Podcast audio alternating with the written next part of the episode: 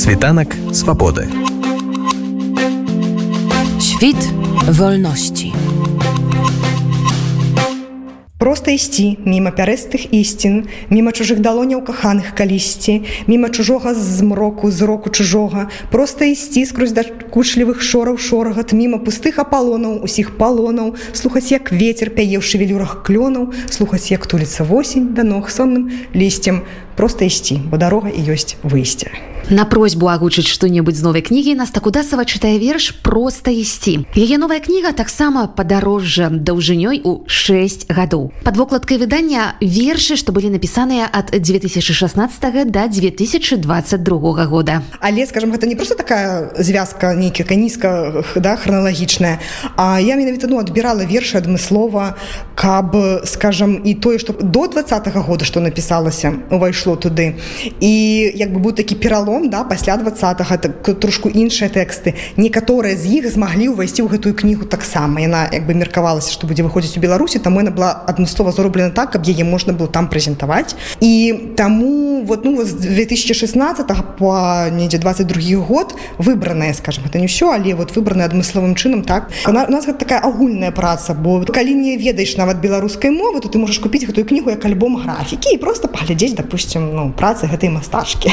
Можна так і так успрымаць з таго з таго боку. Кніга побач гэта ілюстраваны збор вершаў які распавядае пра адзіноту і надзею пра пошук сябе і радзімы ў шалёных варунках рэчаіснасці. Чытаем у анатацыі паэтычна-графічнага выдання. Яно рыхтавалася да выхаду тры гады. Для мастачкі Святланы Демідович гэта першы досвед працы ў якасці кніжнага графіка.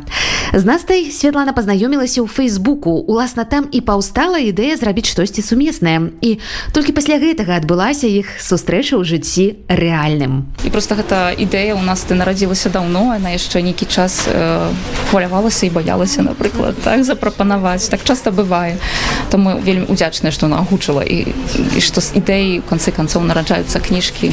Перадусім калі поступила такая прапанова ад нас ты гэта была моя першая кніжка такого тыпу проект таму я да яе аднеслася як да першага кахання. На максімум падышла каб зрабіць штосьці мне так хацелася зрабіць штосьці выбітнае таму гэта заняло шмат часу. Дякуй настажцы што яна гэта ўсё вытрымала і пачакала. І я задумала яе эту кнігу як кнігу адначасова ілюстрацыі і вершаў кнігу якой будзе весці весціся аповесць таксама графічная адначасова з вершамі якая будзе ўзмацняць вершы але недзе там можа часам збоку віцца сваёй дорожкай так? І спадзяюся што гэта таксама будзе адчытана і і гледачом і малюнкаў і слухачом вершаў як працуе кніжны графік? Ён мусіць адлюстраваць тое што адбываецца ў вершы альбо даць сваю нейкую эмоцыю. Напэўна ёсць розныя шляхі для ўвасаблення.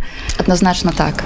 Ёсць розныя шляхі і кожны мастак подходзіць по-свойму Мне здаецца што я больш падышла больш як мастак да гэтага праекту неяк ілюстратор не ў тым сэнсе каб адлюстраваць што адбываецца ў вершах каб канкрэтна паказаць вобразам толькі у нейкім сэнсе як я успамінала э, весці нейкую графічную аповесць адначасова узмацняючыся вершамі адначасова убіраючы з іх вобразы ў сябе. Але пры тым каб э, гэтай працы таксама былі ў нейкім сэнсе самастойным такой дорожкай шляхам. Што адчулі калі ну адна справа ў праекце ўсё это маляваць на экране манітора бачыце напэўна зусім іншае. Вось это фізічны носьбіт мець у руках што вы адчулі калі упершыню дакрануліся да выдання? Э, ну увогуле калі мы працавалі уже над кнігай. Гэта было такое пачуццё як чаканне на дзіця. Таму што асабліва хацелася крычаць усім у нас будзе дзіцятка супольная так бо гэтага дзіця две мамы як бы так кажучы. Але крычаць не будзеш і, гэта, і з гэтым пачуццём такого такой радасці такого чакання ну яна нараджалася шмат часу. Тры гады чакалі мы на яе. Вось усе гэтыя тры гады мы чакалі і хадзілі з такім пачуццём неверагодным унутры. І вельмі шчаслівая зараз што можам падзяліцца гэтай радасцю з, з тымі хто таксама чакаў з намі прэзентацыя выдання адбылася ў старамейскім доме культуры ў самым цэнтры старой варшавы. Творчы дуэт распавядаў як нараджалася іх супольнае дзіця. Менавіта так наста кудасава і святлана демідович называюць свой сумесны проект адной з першых прэм'ернай старонкі пагартала прадстаўніца аб'яднанага пераходнага кабінета па нацыянальным адраджэнні Аліна коўшык. Беларусам вельмі важна быць побач. Я думаю что гэта слово тое якое зараз вельмі важное для нас. Важно каб мы адчувалі што мы не адныя важна каб мы адчувалі падтрымку. Ты беларусы якія застаюцца ў беларусі тыя беларусы якія сядзяць у турмах і ты беларусы якія з'ехалі. Усім нам гэта вельмі патрэбнае. Ну і плюс я была вельмі заінтрыгаваная самой кнігай. Мне вельмі спадабаліся тыя фотаздымкі якія бачыла анонсы ў сацыяльных сетках. І таму я хацела быць адной з першай якая зможа яна быць. Гэта дарэчы ўжо другая прэзентацыя кнігі побач прэм'ера выдання адбылася днямі ў беластоку. Тыраж нарэшце даехаў і ў польскую сталіцу. Два экземпляры панясе з сабой настаўніцы беларускай мовы Юлія букштынович так я прыйшла адмыслова каб яшчэ ўзяць і для сябе і для сябровачкі. Вось і я вельмі рада што можна ў варшаве набыць бо калі побачыла што ўжо можна можна я вельмі чакала што варшаве гэта будзе магчымасць там вось сабе і пад сяброўцу взяла Вось і заадно е вывежнавец яшчэ па што ідзеш вучы нас куда свае яе вершы яе паэзія так слухайте мне вельмі адгукаецца вельмі баліць вось яны такія і балючыя тэрапеўтычная аднолькава мне падаецца она так добра адлюстроўвае вось тое што адчуваецца зараз. Таму вельмі хацелася. Плюс вельмі хочацца разглядаць ілюстрацыі вось Светлана Демідович таму ну вельмі рада што што можна так. Кнігу побач надрукавалі ў імпрынце з карынічы. Выдавец роман цымбераў кажа што для іх гэта таксама прэм'ера. Першы экземпляр у імпрынце тыражом тысяча асобнікаў. Гэтай кнігі можна будзе набыць у варшаве. У краме якая пачне сваю працу з наступнага месяца ў самом цэнтры.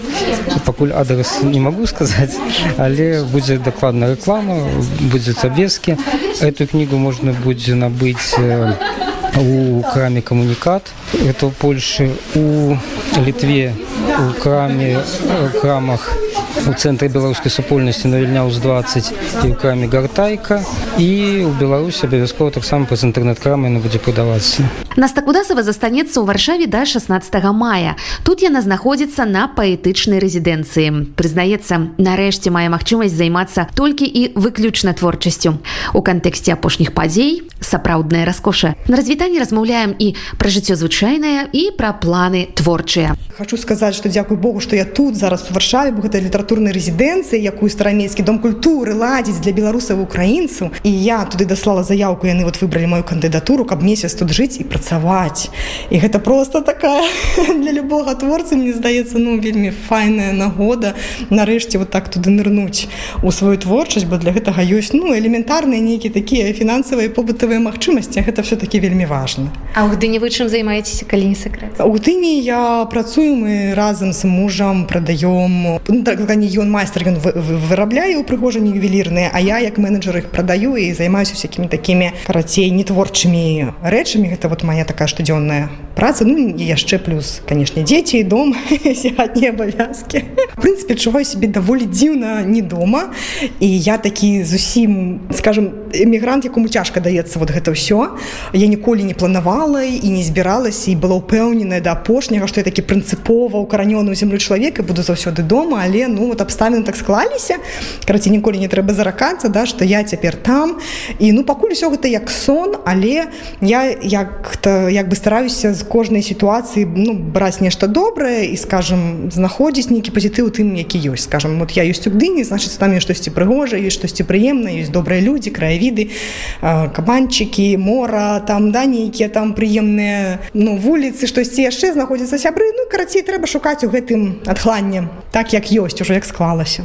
Я прочитала у вас на старонцы у Facebook что ваша мара удмурской паэзіяй заняться дык я дзелясь дзеля удмуртаў я сюды прыехала да як бы моя заявка была не на власную творчасць а я менавіта уласная творчасць все адно часа часу пішацца хочаш ты не хочаш як бы гэта тое что набалела і оно бывае что прыходзіць незалежна ад таго маеш на гэта час ці не. А вот уже як бы пераклады гэта тое што трэба вот сесці і заняцца і сам себе не прымусіш я перакладаю з адмурскай мовы паэтаў розных ну пакуль што я перакладаю так як такі аматар тое што падабаецца мне. Хаця у мне конечно ёсць ідэя скласці такую анталогію больш-менш такую прэзентатыўную выніку. Але ну пакуль што я беру таких самых любимых вот паэтаў. І ну так пакрысе нешта ёсць. Чаму гэта цікава мне і мне здаецца чаму гэта можа быць цікава беларускаму чытачу? Бо ўсё-таки як бы мы ўсе э, пражываем у чымсьці падобныя старонкі гісторыі апошнія ну прынамсі стагоддзя два да так як бы. Вот вот гэты час пакуль беларус там у расійскай імперыі знаходзілася і далей як бы гэта вот нейкі такія агульныя да рэчы як бы агульныя рэчы там і ў савецкім саюзе і агульныя старонкі рэпрэсіі і, і таму мне здаецца што вельмі важна каб вот мы ведалі адно аднаго Таму што для нас все-таки народы трошечку закрыты з-за таго што мы Россию успрымаем все рускае да і вот паміж нами это подушка рускасці такая вот стаіць і мы так сабе напэўна слаба уяўляем як бы як жывуць тыя народы які не вельмі якіх мала да якіх мала колькасць і мне ну мне здаецца што гэта вельмі важна мне здаецца гэта вельмі важна іх бачыць як бы іх падтрымліваць гэта таксама як бы можа паспрыяць таму што мы хутка зможам у ці не хутка зможам убачыць нейкі новы свет То бок гэта про той новы свет про які я мару як бы да посткаланіяльны новы дзе як бы адкрытыя адно аднаму розныя народы дзе мы вывучаемся розныя мовы да як бы вот і ніхто нікому не замінае світанак свабоды Świt wolności.